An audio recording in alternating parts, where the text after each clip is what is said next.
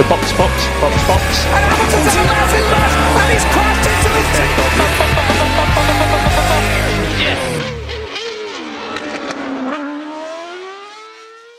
Herkese merhaba. Podstop Podcast'in ilk bölümüne hoş geldiniz. Bugün Deniz, Halil ve ben Burak sizlere takım incelemeleriyle bir yayın yapmak istiyoruz bunlarla alakalı. Ee, Deniz, Halil selam hoş geldiniz. Selamlar. Selam, hoş bulduk. Bugün takım incelemelerine gridin tersinden başlayalım istedik. Ve ilk takımımız Rocket Williams Racing ile başlıyoruz. Benim abi Rocket Williams Racing denince aklıma eee, belki de daha yakın zaman önce belgeselini izlediğim için olabilir ama takım sahibi Frank Williams geliyor. Sir Frank Williams. Kendisi 1966'da takımı kuruyor. Eski bir Formula 1 pilotu, iş adamı, aynı zamanda mühendis. Yani mühendis olmasa da mekanik olarak e, alaylı bilgileriyle takımı yönetmeye başlıyor. E, ve daha sonrasında o yıllardan bugüne kadar gelen bir Formula 1 takımı olarak göze çarpıyor. Sizin Williams deyince ilk aklınıza neler geliyor? Birkaç kelime cümleyle özetleyebilir misiniz? Deniz senin aklına geliyor. Valla benim aklıma da Frank Williams geliyor ve o adamın bu yaşına rağmen, bu engellerine rağmen o tatlı gülümseyişi geliyor adamın yani o güler yüzü geliyor. Gülünce böyle için sıcak oluyor mu peki? Evet hakikaten adam, adam hakikaten öyle ya. Tontiş bir amca yani resmen ve böyle bir gülen suratı görmek etrafta keyifli. Tabii şaka da bir yana e, bu sene Williams deyince göreceli olarak iki tane yeni pilotun bence birbiriyle kıyasıya yarışı geliyor yani benim aklıma. O güzel yarışı izlemek geliyor en azından. Halil senin aklına ne geliyor Williams deyince? Abi ben de 80'ler ve 90'ları düşünüyorum hep. Çünkü Williams'ın altın yılları 80'ler 90'lardı. McLaren'la beraber bütün sezonları neredeyse domine etmiş bir şekilde büyük başarılara sahip oldular. Tabii Senna belgeselini ben de çok yakın bir zamanda izledim ve aynı zamanda Williams belgeselini de izledim. Belki onların etkisinden kaynaklı söylüyorum. 93-94 yıllarındaki o tartışmalı sezonlar, işte Senna'nın maalesef bir kaza sonucu hayatını kaybetmesi ilk aklıma Williams denince bunlar geliyor. Bugün abi bir YouTube'da bir video izliyordum. Hatta e, Halil senin attığın videolardan zıpladım. Ya adamlar o kadar iyilermiş ki zamanında bu böyle oynar süspansiyonu vesaireyi falan ilk çıkardıklarında ara açılmış yani diğer takımlarla. Artık FIA falan böyle işe el atmak zorunda kalmış yani bunları kullanmayın. Eşit olsun takımlar ki e, yarışlar daha keyifli olsun vesaire diye. Baya baya fark açmışlar yani diğer takımlara dediğin yıllarda. Aynen öyle. Ancak işte talihsizlik 93'te Alan Prost bu yol yardım sistemleriyle beraber şampiyonluk kazanıyor ama 94'te Senna'nın tam Williams'la anlaştığı yıl FIA'nın böyle bir karar alması gerçekten yıkıcı bir durum ve kimsenin elinden bir şey gelmiyor. Bir de şeyi de biliyoruz hani Formula 1'de bir takımın yükselebilmesi için başka bir takımın düşüşe geçmesi, başka takımların düşüşte olduğu bir dönem yakalanması gerekiyor. Bildiğim kadarıyla 80'lerin başında da Renault motoru ve yanlış hatırlamıyorsam Brabham takımının kullanmış olduğu motorlar hep bunlar turbo şarjlı motor sistemlerini denerken çok fazla yarış dışı kalıyorlar ve bunlarla boğuşurken de Williams o eski Ford motoruyla tabi herhangi bir sıkıntı yaşamadan yıldızını parlatmaya başlıyor. Söylediğin gibi katılıyorum yani. Aynen ve o yine aynı videoda şeyden bahsediyordu. Yani bu Prost o kadar rahat bir şampiyonluk alıyor ki adam sezon öncesi antrenmanlarda ve sezondaki yaptığı dene- böyle antrenman turlarında falan aracı böyle tam gaz kullandığında aracı kontrol edemeyip durmadan spin falan attığını söylüyorlar. O yüzden yani şampiyonluğu aldığı senede bile hep böyle arabanın tüm gücünü kullanmadan böyle hafif hafif gaz keserek falan kullanıp şampiyon olduğunu söylüyorlar hatta adamın. Zaten sürücüye çok bir şey de kalmadığını okumuştum ben de. Bir tek hani direksiyonu doğru bir şekilde kullanıp e, sadece gaza bas, frene bas gibi. Çünkü araç gerçekten virajlara yaklaştığın zaman, virajlar çıkışında düzlüklere girerken süspansiyonunu tamamen kendisi ayarladığı için pilotun işini çok çok kolaylaştırıyor. FIA'nın da bunu yasaklama sebeplerinden birisi bu galiba. Hani biraz daha pilot yeteneklerini ön plana çıkartmak için sanırım böyle bir yasak getiriyorlar o yıllarda. Aslında çok güzel bir noktaya değindiniz. Ee, hani bilmeyenler için e, özellikle bu podcast'te Formula 1'e yeni başlayanlar için de bir yol haritası olsun. Biz de bildiklerimizi mümkün olunca aktaralım diye düşünmüştük. Aslında Formula 1 sporunun temeli şuna dayanıyor. Birçok birbirine benzeyen araçlar var. Benzer teknolojilerle, benzer kısıtlamalarla, FIA'nın koyduğu kurallarla ve çok sıkı kurallar bunlar. E, bu kurallar çerçevesinde bir bir araç yaratıyorlar ve bu araçlar pist üzerinde birbirleriyle yarışıyor ve aralarındaki yani en büyük farklar yani 3-4 saniyelik yani sıralama turlarından bahsediyorum farklar oluyor. Yani ortalama 1,5 dakikalık bir tur atılan yerde 3-4 saniyelik bir fark gerçekten çok düşük bir fark. Ee, ama bu sporun asıl mantığı gerçekten kuralların çizgilerine, hani kuralların belirlendiği o kırmızı çizgilerin içinde kalarak, bazen hatta o kırmızı çizgilere birazcık da basarak, e, mümkün olduğunca esneterek diğer takımların bulmadığı bazı teknolojik gelişmeler sayesinde o milisaniyeleri hatta bazen mikrosaniyeleri ortaya koyarak fark yaratmak üzerine kurulu. Yani aslında bugün bütün takımlar gerçekten o farkı yaratabilmek için mühendislerine bu kadar çok para veriyorlar, bu kadar çok araştırma geliştirme ekipleri kuruyorlar ve bunlara çalışıyorlar. Williams da geçmiş dönemde e, gerçekten bunun çok hakkını veren e, ekipler oluşturmuş ve buradan da çok iyi araçlar çıkarmış.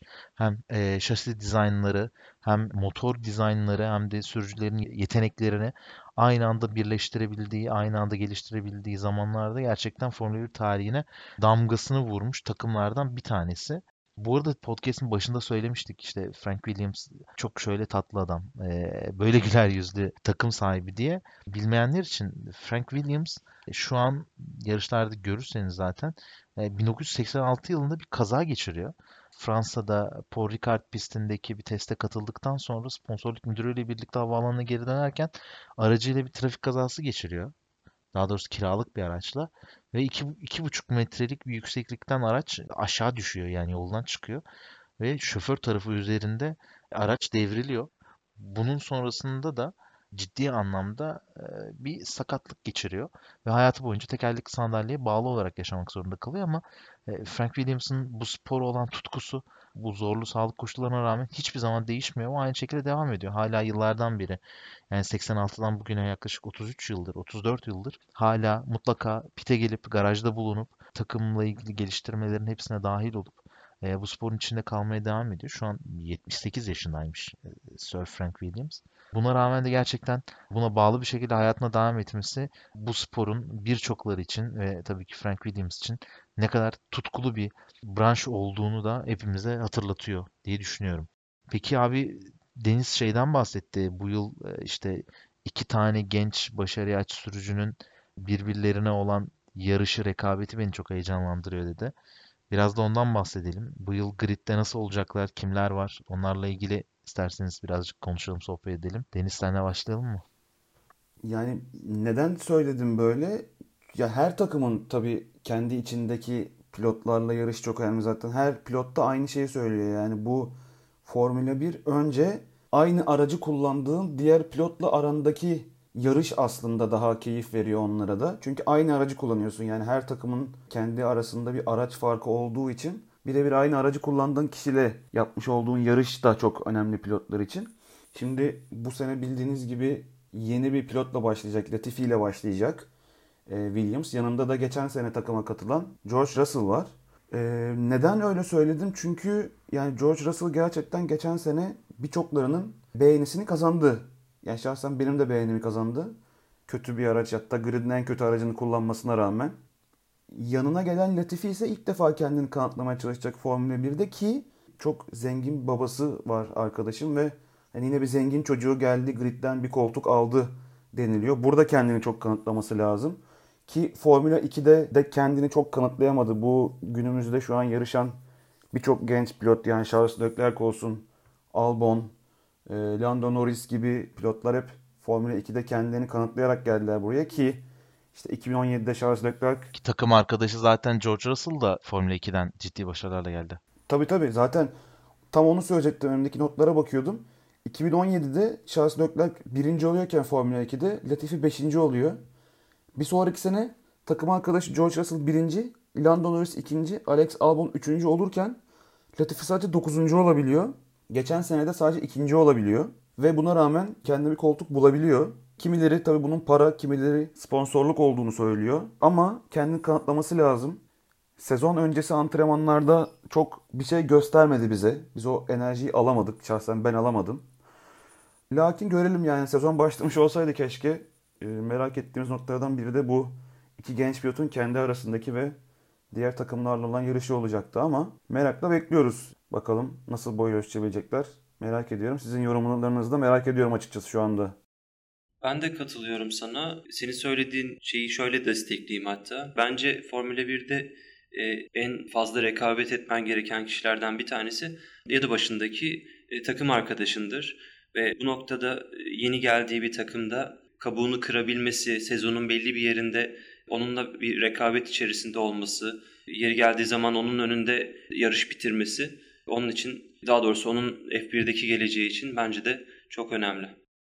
Bu, bu noktada ben de şeye çok katılıyorum. Özellikle George Russell e, işte Mercedes Sürücü Akademisi'nden yetiştikten sonra e, yine Mercedes'in motor tedariği sağladığı Williams'a Toto Wolff'ün de desteğiyle, yönlendirmesiyle geçmesi ve orada Formula 1 tecrübesi kazanmasıyla birlikte e, birçokları tarafından hani saf yarış yeteneği konusunda gerçekten geleceğin şampiyon adaylarından birisi olarak görülüyor.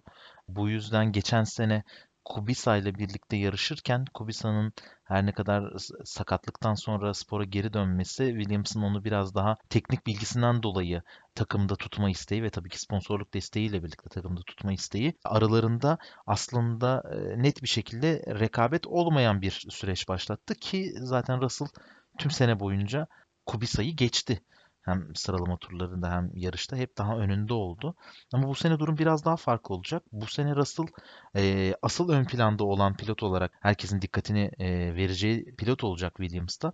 Çünkü az önce Deniz senin de söylediğin gibi Formula 2'de yarışırken e, yarıştığı pilotlar işte Lando Norris McLaren'de e, orta sıranın üstüne doğru oynayan bir takım haline geldi McLaren ve orada ciddi anlamda puan savaşı veriyorlar. Bunun dışında Alexander Albon Toro Rosso da e, nispeten iyi şeyler başarmaya çalıştı, kendini gösterdi ve daha sonrasında da e, sezonun yarısında Pierre Gasly'nin ayrılmasıyla birlikte Red Bull'a geçti ve e, sezonun ikinci yarısında Red Bull'da gerçekten birçoğunun e, takdirini kazandı ve bu sene Red Bull'dan kontrat almayı garantiledi.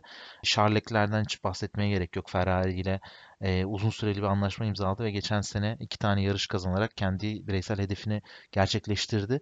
Dolayısıyla bu pilotlarla Formula 2'de yarışırken ve bunların hepsinin önünde olduğu bir grid varken şimdi hepsinin en arkasında kalmak ve diğerlerine göre daha güçsüz bir takımda olmak onu ciddi anlamda bence psikolojik olarak da bir testten geçiriyor.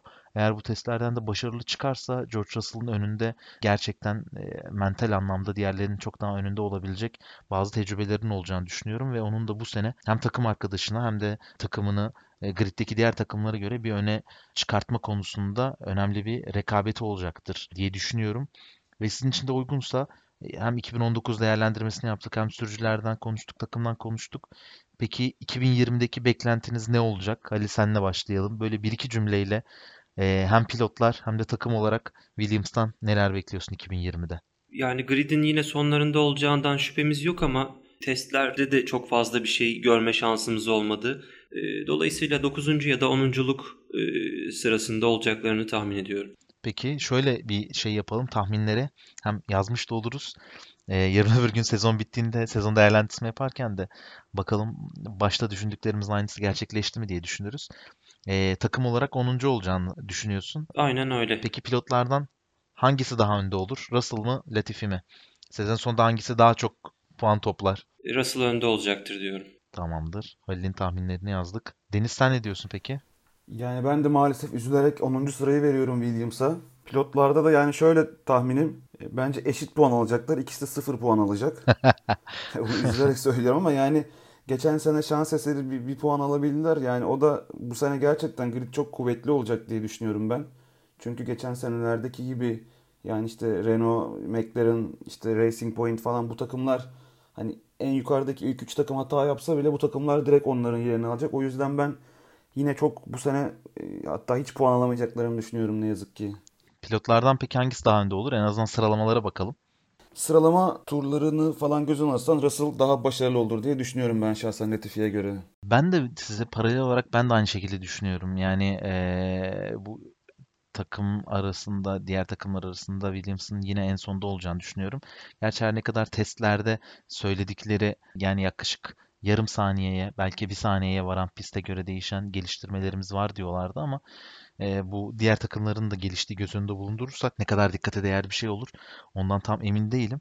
Ama ben eğer bu geliştirmeleri sağlarlarsa ve e, şimdi sezonun yeni planında da daha sıkıştırılmış bir sezon olacak. 14-15 yarışlık ve kış boyunca da devam edecek bir e, sezon bizi bekleyecek. Eğer e, Formula 1 2020 sezonu başlarsa ve kış sezonuyla birlikte daha bol yağışlı yarışlar izleyeceğimizi düşünüyorum. Ve yoğun yağış altındaki yarışlarda olabilecek sürprizlerle birlikte ki hatırlarsınız geçen sene Almanya'da bununla ilgili bir sürpriz oldu ve Kubica bir puan aldı. Dolayısıyla bu şekilde bakarsak ben yine bunun gibi sürprizlerle birkaç puan toplayabileceklerini düşünüyorum ama yine de George Russell'ın Latifi'nin önünde olacağını düşünüyorum deyip tahminlerimizi kaydettik. Şimdi geçen seneki sıralamaya göre yine tekrardan puan sıralamasına göre takımlar sıralamasına göre yine tersten devam ediyorum ve Haas F1 Team ile yolumuza devam edelim.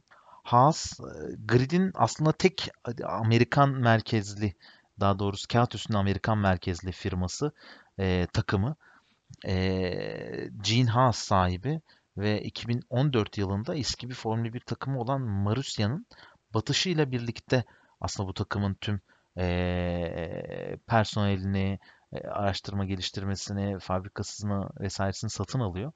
E, ve daha sonrasında da yaklaşık bir buçuk yıllık bir çalışma sonrasında 2016'da ilk kez e, piste çıkıyorlar. Haas F1 Team olarak ve o dönemden beri de hep Ferrari motoru kullanarak yollarına devam ediyorlar.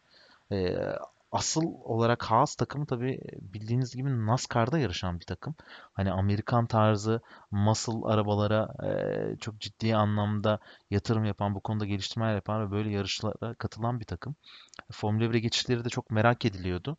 Ee, yine aynı şekilde söyleyeceğim. Haas deyince ilk aklınıza birkaç cümleyle ne geliyor? Senden Bir kere bence Haas'ın en büyük şanslarından biri sahibi. Zaten Gene Haas dediğin gibi motor sporlarına çok hayran bir adam diyebiliriz. Yani bu Haas Automation'ı kurduktan sonra böyle CNC parçaları yapan bir firmanın sahibi olarak NASCAR'a giriyor ve daha sonra da zaten motor sporlarına olan ilgisinden dolayı Formula 1'e adım atıyor senin de söylediğin gibi. Ama en büyük şanslarından biri o dedim çünkü gerçekten hem Günther Steiner'e hem de yani bu ikili pilot duosuna dayanabilen bir takım patronu hakikaten helal olsun diyorum ben kendisine. Çünkü yani bu biz tabi yarışların hep e, yani nasıl söyleyeyim yarışı izleyerek dahil olabiliyoruz. Onun haricinde çok daha sonra belgeselleri falan sonrasında izleyebiliyoruz ama bu özellikle Netflix'in yaptığı belgeselle de bu e, padoklara kadar, gridlere kadar girme şansımız oldu bizim de. Yaşananları falan izledikçe gerçekten Haas'ın burada durabiliyor olması bu adamın bu sporu sevmesiyle olabilir ancak diye düşünüyorum ben. Burak geçenlerde de konuşmuştuk seninle. Günter Steiner abimiz gerçekten tam bir popüler e, ve sempatik abimiz. Rockstar. Dayanması biraz zor. Evet. Rockstar aynen öyle. Ee, yani Gene Haas sağ olsun takımı tutuyor burada ve ama izlemesi bence en keyifli takımlardan biri. Onu da söylemek isterim yani. Çünkü her zaman bir şey bekliyorsun takımdan. Ya iyi bir şey bekliyorsun. Ulan diyorsun bu yarış güzel gidiyorlar. Yukarılarda olurlar. Bir bakıyorsun iki pilot birbiriyle çarpışıyor. Ya da bir bakıyorsun ikisi birden motor arızası veriyor falan gibi böyle. Yani durmadan bir aksiyon katıyorlar en azından yarışlara. Peki Halil, Haas deyince senin aklına ne geliyor? Abi şöyle anlatayım. Bugün podcast kaydedeceğiz diye gün içerisinde Netflix'in 2018 sezonundaki e, Drive to Survive'a göz atmak istedim. Haas bölümünü açtım. Dedim ki akşam konuşacağız bir izleyeyim şunları. Neler oluyordu hatırlayayım falan. İşlerimi hallederken bilgisayardan bir yandan da hani aslında izlemiyorum da dinliyorum. Kulağıma şöyle bir şey gelmeye başladı. Evet Grosjean'ın araç kamerasındayız. Piste dolaşıyor. Lastikleri ısıtmaya başlıyor. Derken bam gün bir ses kopuyor abi. Bir kafayı çevirdim ve hemen bir Grosjean yani. Adam güvenlik aracının arkasında daha kaza yapıyor. ilginç bir şekilde. Belki çok fazla sosyal medyada, Twitter'da da Grosjean'la ilgili çok fazla e, yazılıp çiziliyor ama bu kadar çok hata yapıyor olması bence takımı aşağı çeken en büyük şeylerden bir tanesi Grosjean'ın o takımda olması. Hele ki bu sene Hülkenberg'in ayrılmasına rağmen hani onu alabilirlerdi belki Haas'ta yarıştırmaya başlayabilirlerdi. Böyle bir şans varken e, Grosjean'la devam etmeleri e, bence biraz takımın kendi ayağına sıkması gibi düşünebiliriz. Bir de şöyle enteresan bir konu var orada. Haas 2016'da yarışmaya başladı Formula 1'de ve ilk sezon Roman Grosjean ve Esteban Gutierrez ile yarışıyorlar. Meksikalı bir pilot. Bir sezon sadece yarışıyor Gutierrez. Sonrasında da 2017'den beri gridde aynı pilotlarla yarışan belki de tek takım. Gerçi Valtteri Bottas, Lewis Hamilton ikilisi de yine aynı dönemde 2017'de birlikte başlamışlardı ama yani bu kadar uzun süreli ve başarı gelmeyen bir sistem olmasına rağmen e, aynı pilot ikilisinde ısrarcı olmaları da e, birçokları tarafından hani sorgulanan e, metotlardan bir tanesi. Benim de aklıma aslında benzer şeyler geliyor. Tabii ki özellikle Drive to Survive'ın da e, hayatımıza girmesiyle birlikte bu Netflix'teki belgeselin iki sezonu yayınlandı şu ana kadar. Haas denilince gerçekten kendi içerisinde büyük bir eğlence barındıran takım patronundan pilotlarına işte Günter Steiner'den teknik ekibine çok çok çok enteresan bir takım izliyoruz. E, o anlamda popülerliğini eminim son iki yılda ciddi anlamda arttırdı. E, fakat tabii takım sahibi Gene Haas ne olursa olsun sene sonunda başarılara ve bu işe yaptığı yatırımın karşılığını ne kadar alacağına bakan birisi. E, bunu NASCAR döneminden de çok iyi biliyoruz. Ve özellikle de geçen sene bu Drive to Survive'ın ikinci sezonunda e, Haas bölümünde de detaylıca e, herkes izlemiştir. izlemeyenler de bundan sonra izleyecektir. Spoiler vereceğim ama takımın ana sponsoru Rich Energy adı altındaki bir enerji içeceği firmasıyla sponsoruyla sene içerisinde yaşanan sorunlar ve sezonun yarısına ana sponsoru olmadan hayatına devam ettirebilmesi e, onları ekonomik anlamda da sıkıntıya sokup sokmadığı belli olmayan noktalardan birisi olarak göze çarptı. Ben bir şey soracağım abi. Bu sene peki yani 2020 yılı için bir sponsorluk ana sponsorluk diyeyim yani bir sürü sponsorları var tabii ama bir ana sponsorluk sözleşmesi imzaladılar mı? Yeni bir firmayla ya da ben sanki göremedim ya. Yok hayır hayır yeni bir firmayla sözleşme imzalamadılar. Ben de onu dikkat ettim, kontrol ettim.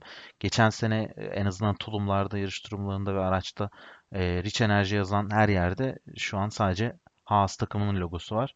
Yine işte aynı geçen yılki işte Jack and Jones, Peak Games gibi e, sponsorluklar aynı şekilde devam ediyor ama bu sene bunun yerine herhangi bir şey yok. Ana sponsor yok. E, tabii tabii onlar var ama ya ana bir sponsorluk olmadan evet o, o biraz ilginç yani o gerçekten e, ana sponsor büyük çünkü yük kaldıran bir e, sistem genel olarak Formula 1'de. yani e, bakalım merakla göreceğiz. Bu arada e, ben yani bir şey eklemeden edemeyeceğim. E, pilotları konuşurken siz e, yani 2018'de bir şekilde iyi bir yerde bitirdiler diyebiliriz. 2019 umutla başladılar ama ya 2019 facia gibiydi ya Haas için. Ya bu faciayla devam ederken buna rağmen kalkıp 2020 sezonunda aynı pilot ikilisi devam etme kararı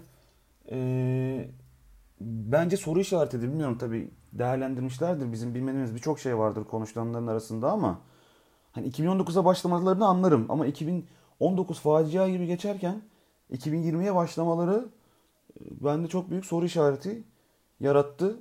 Merakla bekliyorum ben de. Burada benim aklıma şu geliyor. Acaba takım bu değerlendirmeleri yaptıktan sonra e, bu başarısızlığın ana sebebi olarak hani aracı mı görüyorlar?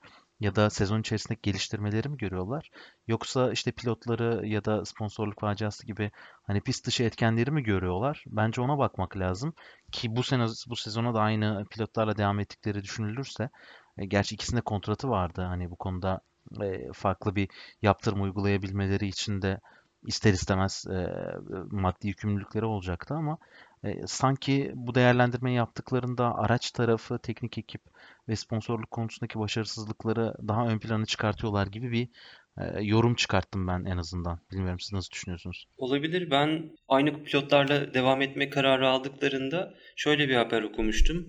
Hani eski pilotların aracı daha iyi tanıdığı için daha iyi geri bildirim vereceğini ve aracı daha iyi toparlayabileceklerini öne sürmüşlerdi. Yani hı hı. söylediklerini biraz destekliyor bu durum açıkçası. Peki abi yine aynı şekilde 2020 için ee, tahmin alalım. Tahminleri not alıyorum. Haberiniz olsun. Sezon sonunda görüşeceğiz. Bir iddia var mı ortada abi? İddia varsa o zaman ona göre atalım yani biz de. Kazanan diğerleri tarafından şeye e, bize en yakın neresi var? Azerbaycan yarışına mı? Ba- Bakü, Bakü, Bakü var. Azerbaycan Grand Prix'sine şey yapıyor, götürüyor. Güzel. Biletleri mi alıyor? Evet. Abi şöyle düşünüyorum yani testlerden yola çıkarak tabii ki e, düşünüyorum bunları ama testlerde her zaman e, mutlak sonucu vermiyor sonuçta. E, açıkçası Alfa ve Haas geçen sene de 8 ve 9. sıralarda yer almışlardı. Alfa sanki biraz daha olumlu bir tablo çizdi e, test döneminde. 9. sıraya Haas'ı yerleştiriyorum ben. Peki pilotlar arasında kim daha önde olur? O konuda bir şeyin var mı? Düşüncen, yorumun var mı? Yani bu kadar Grosjean'a sövdükten sonra e, Magnussen demek zorundayım sanırım. Deniz sende peki tahminen nasıl? Sen ne düşünüyorsun? Kaçıncı olurlar? Hangi pilot önde olur? Ben abi Haas'ı bu sene 8. sıraya koymak istiyorum.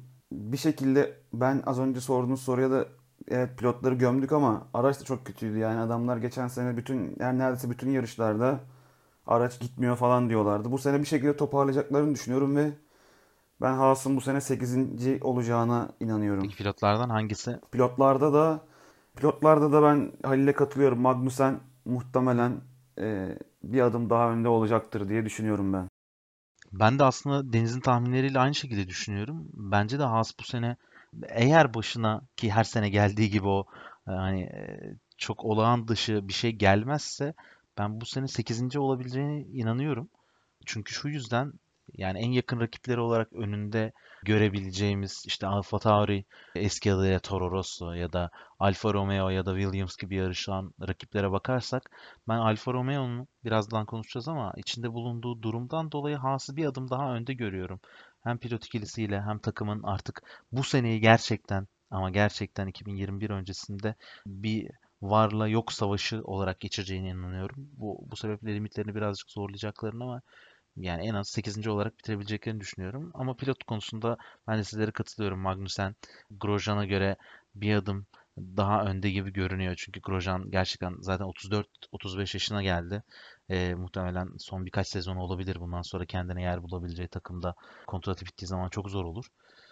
Ama Magnussen'i ben bir adım daha önde görüyorum. En azından Renault'da yarıştığı zamanlarda çok rekabetçi bir pilot olmasa da belli konularda istikrarı e, rahat olduğu araçta sağlayabilen bir pilot. O anlamda bir adım daha öne çıkacaktır diye düşünüp Haas'ı da geçiyorum. Yine gridin tersinden başlıyoruz. Geçen senenin 8.si. E, bu senenin bilmiyoruz kaçıncısı. Alfa Romeo Racing ile yayınımıza devam edelim. Alfa Romeo e, bilmeyenler için Formula 1'in aslında en eski takımlarından bir tanesi ve yanlış bilmiyorsam Formula 1 tarihinin ilk yarış kazanan takımı.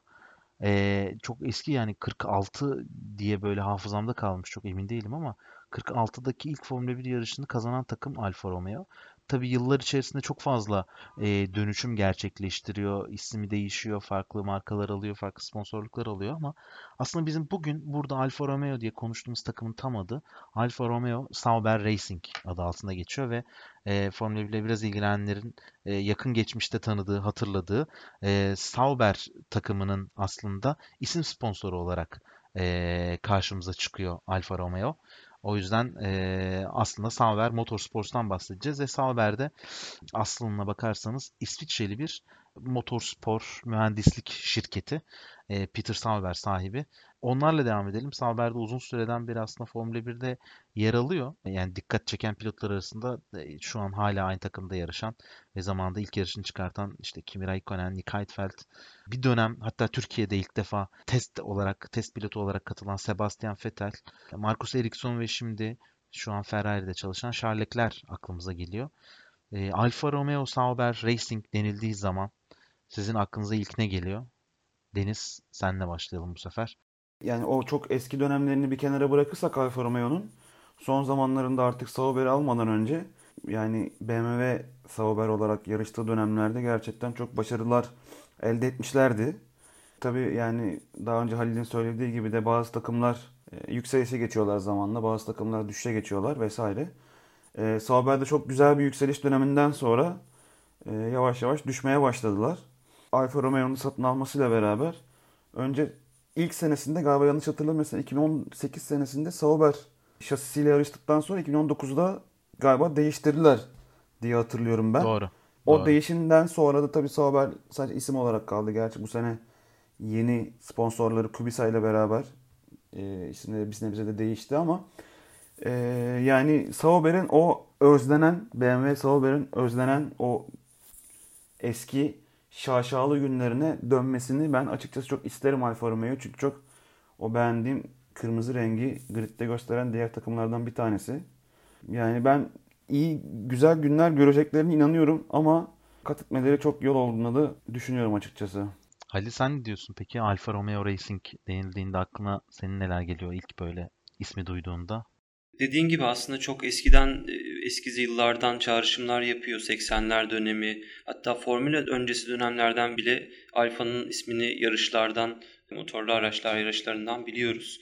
Ama şimdi en sonki döneminde Ferrari ile olan anlaşmasından dolayı biraz Ferrari'nin hani Formula 1.5'taki nasıl diyelim pilotlarını yetiştirdiği, zaman zaman işte parçalarını denediği bir takım halinde çalışıyor. Aynı geçen seneki Toro Rosso Red Bull ilişkisi gibi, Alfa Tauri Red Bull ilişkisi gibi. Böyle takımların hani F1 organizasyonu için önemli olduğunu düşünüyorum. E, bilmiyorum ne kadar gelişim gösterebilirler ama umarım iyi bir noktaya taşınabilirler. Raikkonen hakkında da çok fazla şey söylenebilir. Ben pilotlara geçmeden önce benim Alfa Romeo denildiği zaman dikkatimi çeken bir iki tane nokta var. Aslında az önce bir girişini yaptı Deniz. Sizden de onlarla ilgili yorumlar isteyeceğim. Ee, birisi e, takımın e, pilot ikilisine geçmeden önce takımın yeni bir test pilotu var. O da Robert Kubica. Geçen sene Williams'ta yarışan tecrübeli pilot bu sene Alfa Romeo'ya e, test pilotu ve yedek pilot olarak katıldı. Takımın simülatördeki gelişimlerine ve aynı zamanda testlerde piste çıkaracağı pilotlardan birisi oldu ve onun gelişiyle birlikte de Polonyalı olması sebebiyle Polonya'nın en büyük akaryakıt firması Orlen takıma sponsor oldu ve bu sene resmi adı Alfa Romeo Racing Orlen olarak değişti. Bu onlara ciddi anlamda bir e, finansal bir destek sağladı. E, bu anlamda onların en azından para konusunda bütçe konusunda sadece Ferrari'ye bağımlı kalmadan hareket edebilmelerine bir nebze de olsun Ferrari'nin verdiği destekle karşılaştırılmaz ama bir nebze de olsun Ferrari'nin üstündeki yükü hafifleten bir etken oldu. İkinci şey ise size sormak istediğim takım patronu Frederic Vasseur ciddi anlamda aslında motor sporlarında çok e, uzun süreli takım patronluğu geçmişi olmasa dahi hem e, işte mühendislik geçmişiyle hem de daha önce işte Renault'un 2016-2017 yılında takım patronluğunu yaptı. Daha sonra 2017'den beri de Sauber'in başında yapmış olduğu yarışlardaki taktiksel değişimlerle birçok e, işte yabancı dildeki forumlarda, podcastlerde birçok insanın e, Mattia Binotto yerine Ferrari'de neden denemiyor? Vasseur olsaydı çok daha iyi sonuçlar alabilirdi stratejik olarak Ferrari dedikleri bir takım patronu. E, Kubica ve Vasseur e, hakkında var mı yorumlarınız? Onlarla başlayalım sonra sürücülere geçelim diyorum. Ben şöyle bir şey ekleyeceğim. Zaten yani Kubica Alfa'nın eski takımı Sauber'e çok yabancı değil. 2006 o hani o ilk yükselmeye başladığı dönemlerde zaten Kubica ile beraber yükselmişlerdi. İlk Villeneuve'ün yerine geçtiğinde Kubica Halfert'le beraber bayağı 2007-2008 senelerinde falan bayağı ciddi güzel yani o senelerde ikinci falan olmuşlardı markalarda böyle. Duble falan yapıyorlardı hatta. Yani çok yabancı değil. Zaten Kubica da hani çok nasıl diyeyim tabii şahsına münasır bir arkadaşımız dermişim. Yok böyle sıcakkanlı bir adam. Gide, gidebildiği yere alışan bir arkadaş olduğu için bence çok başarılı olacak ve peşinden getirdiği o finansal sponsorlukla da bence Alfa Romeo'yu gerçekten bir adım ileri taşıyacağına inanıyorum. E, Frederic Vasseur'da da kısıtlı imkanlarla gerçekten başarılı işler yapıyor diyebiliriz. Geçen sene hani en azından kimilerine göre araç Haas'tan vesaireden kötü olmasına rağmen yine Haas'a göre çok daha fazla puan topladılar. Dediğin gibi yani Ferrari'ye geçmesi konuşuluyordu ama o orada da bilmiyorum böyle bir saçlar da bana benziyor açık böyle. Hani o karizma yok gibi geliyor böyle. Yani Ferrari'nin başına geçebilecek adam şey yok gibi geliyor bilmiyorum ama e, geçerse tabii gönül ister ki çok pardon şöyle bir enteresan bilgi var. 2004'te e, şimdiki FIA Başkanı Jean Todt'un kardeşi Nicolas Todd'la birlikte Art Grand Prix'e katılıyor. Ee, o takıma katılıyor GP2'de yarışırken ve 2005'te Nico Rosberg'i şampiyonluğa taşıyor. Daha sonrasında 2006'da Lewis Hamilton'ı şampiyon yapıyor. Ee, aslında Ferrari'nin de Frederic Vasseur konusunda hani Alfa Romeo'nun başında kalması konusunda onları çok dikkatini çeken ve o, bu desteği devam ettirmenin en büyük sebebi de bunun gibi genç yetenekleri bulup onlara e, kariyerlerin daha henüz başlarında Formula 1 öncesinde başarılara ulaştırmış olması. Bu sebeple de zaten gelişime açık olan pilotlarını e, mutlaka Alfa Romeo'ya yönlendiriyorlar. Bu arada bilmeyenler için Alfa Romeo'nun koltuklarından bir tanesi, iki pilottan bir tanesini Ferrari belirliyor onların e, Ferrari sürücü akademisinden çıkan ya da dışarıdan getirmek istedikleri pilotları oraya yerleştiriyorlar ve bir pilota tamamen onlar karar veriyor. Şu anda onların karar verdikleri pilot da Antonio Giovinazzi diyerek e, sürücü değerlendirmesi yine Halil sana bırakıyorum. Giovinazzi Raikkonen ikilisiyle başlayalım. Bu sene neler görürüz bu ikiliden? Deminki tahminlerde de söylediğim gibi hani üste çıkacakları bir durum yok. Yani şu an oldukları pozisyondan çok daha üste tırmanabilecek bir potansiyelleri yok. Yani araç ve takımın durumu dolayısıyla. Ama tabii belki Giovinazzi ile ilgili farklı dedikodular dönüyor. Geçenlerde Deniz'le konuştuğumuzda o da bahsetmişti. Özellikle Ferrari ile ilgili bazı dedikodular var. Raikkonen bir yandan zaten son senesi olacak diye biliyorum. Onu belki güzel bir pozisyonda bir yarışta ön sıralarda görsek bizim için çok güzel olabilir. Ee, sizin de yorumlarınızı alayım. Ben Raikkonen'le ilgili sonra bir soru sormak istiyorum. Deniz sen ne diyorsun sürücü ikilisiyle ilgili? Valla Raikkonen reis bu gridde görmeyi en sevdiğimiz pilotlardan biri tabii. Yine geçen konuştuğumuzda bahsetmiştik o klasik görüntüsü. Gözlerin önünden gitmiyor millet lastikleri ısıtmak için bir sağa bir sola böyle dönerken heyecanla eyvah yarış falan. O reisin böyle buz adam dümdüz böyle yardırıp gidişi hakikaten müthiş bir sahne yani. Ee, tabii Raikkonen rüştünü ispatlamış pilotların bir tanesi şu an griddeki. Hala kendisine çok güçlü bir araç verseler podyumlarda görebileceğimiz pilotlardan biri tecrübesiyle beraber. Şu anda tabii Alfa Romeo'ya eş zamanlı olarak az önce bahsettiğiniz gibi Ferrari'yi geliştirme anlamında yardımcı oluyor. Ki o hani şey pilotlar vardır ya motorun sesinden, gidişinden, titreşinden nerede bir sıkıntı olabileceğini, nerede bir arıza olabileceğini ne değiştirmesi gerektiğini bilen pilotlardan birisi.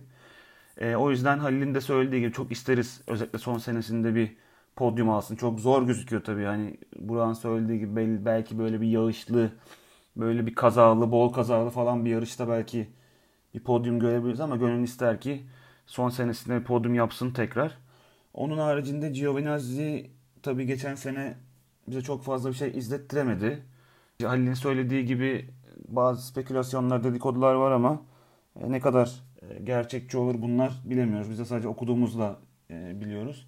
Ama tabii Ferrari Akademi'nin o da seçip yarıştırdığı pilot olmasından dolayı da bunlar biraz güçleniyor. Tabii ondan önce Leclerc'in orada yarışıp şimdi Ferrari'de yarışıyor olması o koltuğu çok kıymetli yapıyor aslında.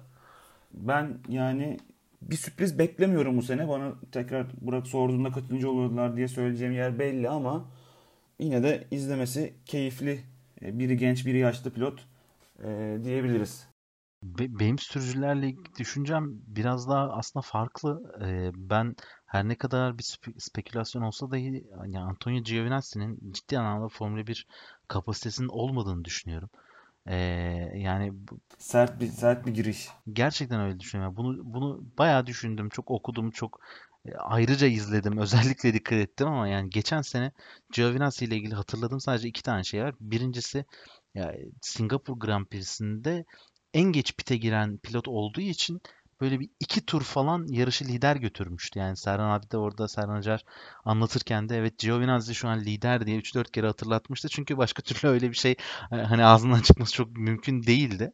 E, birincisi o. ikincisi de Spa'da, Belçika'da e, ki yarışta sondan yanlış hatırlamıyorsam 3-4 tur önce e, Rouge'a çıkarken çıktıktan sonra hızlanma bölümünde e, Kemel düzlüğüne gelirken aracın kontrolünü kaybedip çok ciddi anlamda aslında çok sert bir e, kaza yaşamıştı. Bariyer lastiklere girmişti.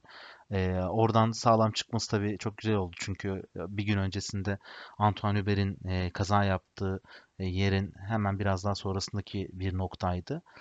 E, dolayısıyla Giovinazzi ile ilgili düşüncelerim çok kıt zaten çok sınırlı ama Raikkonen burada çok daha farklı bir yeri var. E, bilmeyenler için şunu söyleyelim. E, lider ilk 3 takımda hatta ilk 3 takım bile demeyelim onu. Mercedes ve Ferrari haricinde herhangi bir takımda e, şampiyon pilotu olan tek takım Alfa Romeo ve Kimi Raikkonen. Hala Ferrari'nin son dünya şampiyonu pilotu olma gibi bir e, sıfatı var. E, ve bunu bir süre daha devam ettiriyor. Önümüzdeki sene nasıl, nasıl olur bilmiyoruz ama yani birkaç yıl daha devam ettirmesi yüksek ihtimal olarak görünüyor. E, onun da gerçekten artık bu spordan sadece keyif aldığı için bulunduğu ve tamamen kendi bireysel tatmini için yer aldığı e, bir sezonu izleyeceğiz. Muhtemelen son sezonunu izleyeceğiz. O yüzden ben Alfa Romeo'yu sadece e, Raikkonen'i izlemek ve e, onun bu son dönemlerine şahitlik etmek gözüyle bakıyorum. Çünkü ilk yarıştığı zamanı hatırlayan birisi olarak yani Formula 1'e başladığım dönemler Raikkonen'in de spora başladığı dönemlerle hemen hemen üst üste çakışıyor. O yüzden benim de baştan sona izleyip emekli ettiğim ilk pilot olacak muhtemelen Raikkonen. Bu anlamda e, duygusal da bir yeri var bende. Diyorum. Halil'in Raikkonen sorusunu merakla bekliyoruz. Şöyle ki tam da hani emekliliğinin üzerine ne yapacakla alakalı bir soru aslında. Çünkü hani çok uzun süredir F1'de yarışan bir pilot. Sadece sanırım bir, bir sene ya da birkaç sene bir rally macerası hatta orada da bir kaza geçirdiği bir dönem olmuştu. 2010 muydu? Yanlış mı hatırlıyorum? Evet hemen hemen o, o dönemler olması lazım. Onun dışında çok uzun süredir F1'de pilotluk yapan tecrübeli bir pilot. Ama artık F1 kariyerinin en azından pilotluk olarak sonuna geldi. Peki sizce bundan sonra F1'de kalıp herhangi bir takıma danışmanlık mı yapar ya da bir takımda yönetici olarak mı çalışır ya da Fernando Alonso'nun yaptığı gibi farklı alanlara mı yönelir? Nedir fikirleriniz merak ediyorum açıkçası. Ben şöyle düşünüyorum. Raikkonen çok e, hakikaten nevi şahsına münasır birisi. Canı ne istiyorsa onu yapar. Ve ben şu an Can'ı Formula 1'de yarışmak istediği için tekrardan buraya döndüğünü düşünüyorum ki arada da bir rally macerası var. Citroen'le yarışmıştı. E, bence şu an onun en büyük motivasyonu Formula 1'de en çok start alan pilot olmak. Eğer bu sene normal uzunluğunda devam etseydi bunu garantileyecekti ama şu an kaç yarışlık bir e, sezonu göreceğimizi bilmediğimiz için e, ortada öyle bir riski var ama ben bunu e, başaracağını düşünüyorum. Rubens Barrichello'yu geçip Formula 1'de en çok start alan pilot olacağını düşünüyorum.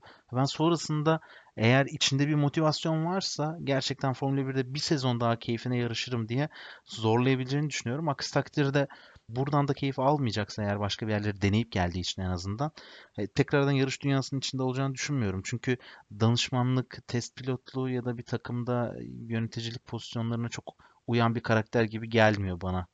Bilmiyorum Deniz sana nasıl geliyor ama.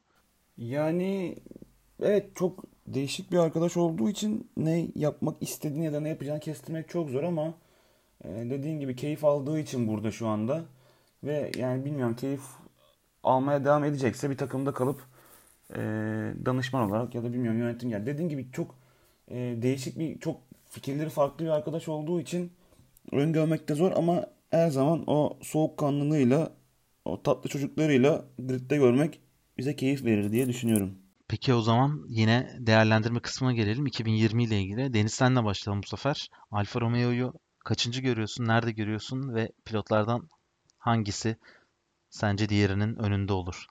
Ben Haas'ı 8'e koyduğum için Alfa Romeo'yu mecburen 9'a koymak durumunda kalıyorum. Geçen 7'ye senenin... çıkartamıyorum diyorsun. Yok o kadar çıkartamıyorum maalesef. ee, Haas'ın geçen seneki hatalarından ders çıkardığı için bir nebze olsun toparlanacağını düşünüyorum. Ee, o yüzden benim Alfa Romeo için puanım 9. Pilotlar arasında da kesinlikle Raikkonen'in önde olacağını düşünüyorum. O kesinlikle dediğin bayağı net oldu. Evet altını çizmek istiyorum. yani Giovinazzi'nin Raikkonen'i geçmek gibi bir yani Allah tabi kaza bela vermesin Raikkonen'imize ama e, ben kesinlikle Giovinazzi'nin önünde bitireceğini düşünüyorum. Peki Halil senin düşüncelerin neler, tahminlerin?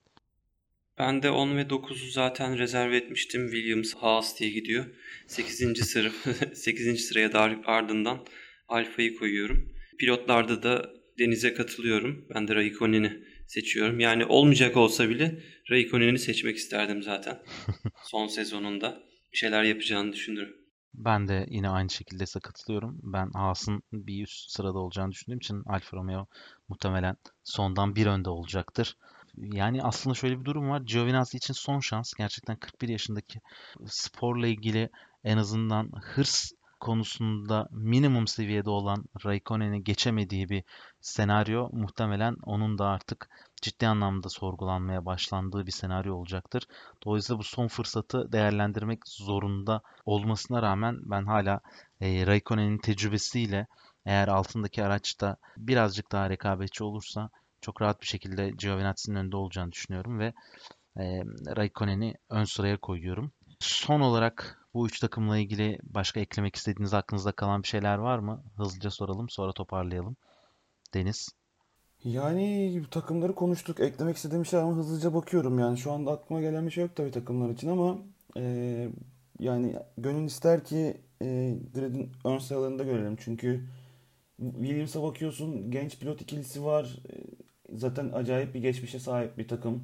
Haas'a bakıyorsun yine durmadan bir böyle kapalı kutular yani bir yarış 1-2 olmasını da beklersin ama 19-20 falan oluyorlar böyle acayip değişik kapalı kutular. Alfa Romeo zaten e, Ferrari'mizin yan çarı diyeyim. o yüzden onları da önde görmek isteriz yani. Senin kapanışla ilgili sözlerin neler Halil? Bildiğiniz gibi 2011 sezonunu izliyoruz bir yandan. 2011 sezonunu izlerken de Grid'in e, en azından ön tarafında daha fazla takımın yer aldığını, zaman zaman bazı sürprizler olduğunu izleyebiliyoruz sıralamalarda ya da bazı yarışlarda podyuma çıkan farklı takımları görebiliyoruz. O açıdan bu takımların da yine önlere yaklaşmasını ya da ön tarafta daha hareketli bir çekişmenin olmasını isterim açıkçası. Söyleyeceklerim bu kadar. Güzel sohbet oldu. Teşekkür ediyorum. Benim de son ekleyeceğim şeyler aslında e, Formula 1'i e, bizim Türklerin alışık olduğu şekilde taraftarlık boyutunda değil, spordan keyif alan birisi olarak e, izleyen birisi olarak da e, bu takımların daha rekabetçi olacağı sezonları izlemek e, en büyük temennim. Umarım 2020 e, bunlardan birisi olması zor gibi görünüyor ama belki Şimdi ertelenen yeni kurallar serisiyle birlikte 2021 ya da 22'de e, umarım bu takımları daha çok rekabetin içerisinde görürüz. Ama yine de en azından her bir takım için bu sezon e, izlemeye sebep olabilecek birkaç tane anekdotu bulduğumuzu ve paylaştığımızı düşünüyorum. Umarım sürpriz yaparlar. Umarım onlardan keyif alırız ve bizim için güzel bir sezon geçer. Bunları da söyleyerek ilk bölümümüzün sonuna geliyoruz. Formula 1'de 2020 takım incelemelerine Williams, Haas ve Alfa Romeo ile başladık. Bir sonraki bölümde yine gridin tersinden devam ederek Alfa Tauri ve Racing Point konuşacağız. Bir sonraki bölümde tekrardan görüşmek üzere. Hoşçakalın. Hoşçakalın. Hoşçakalın.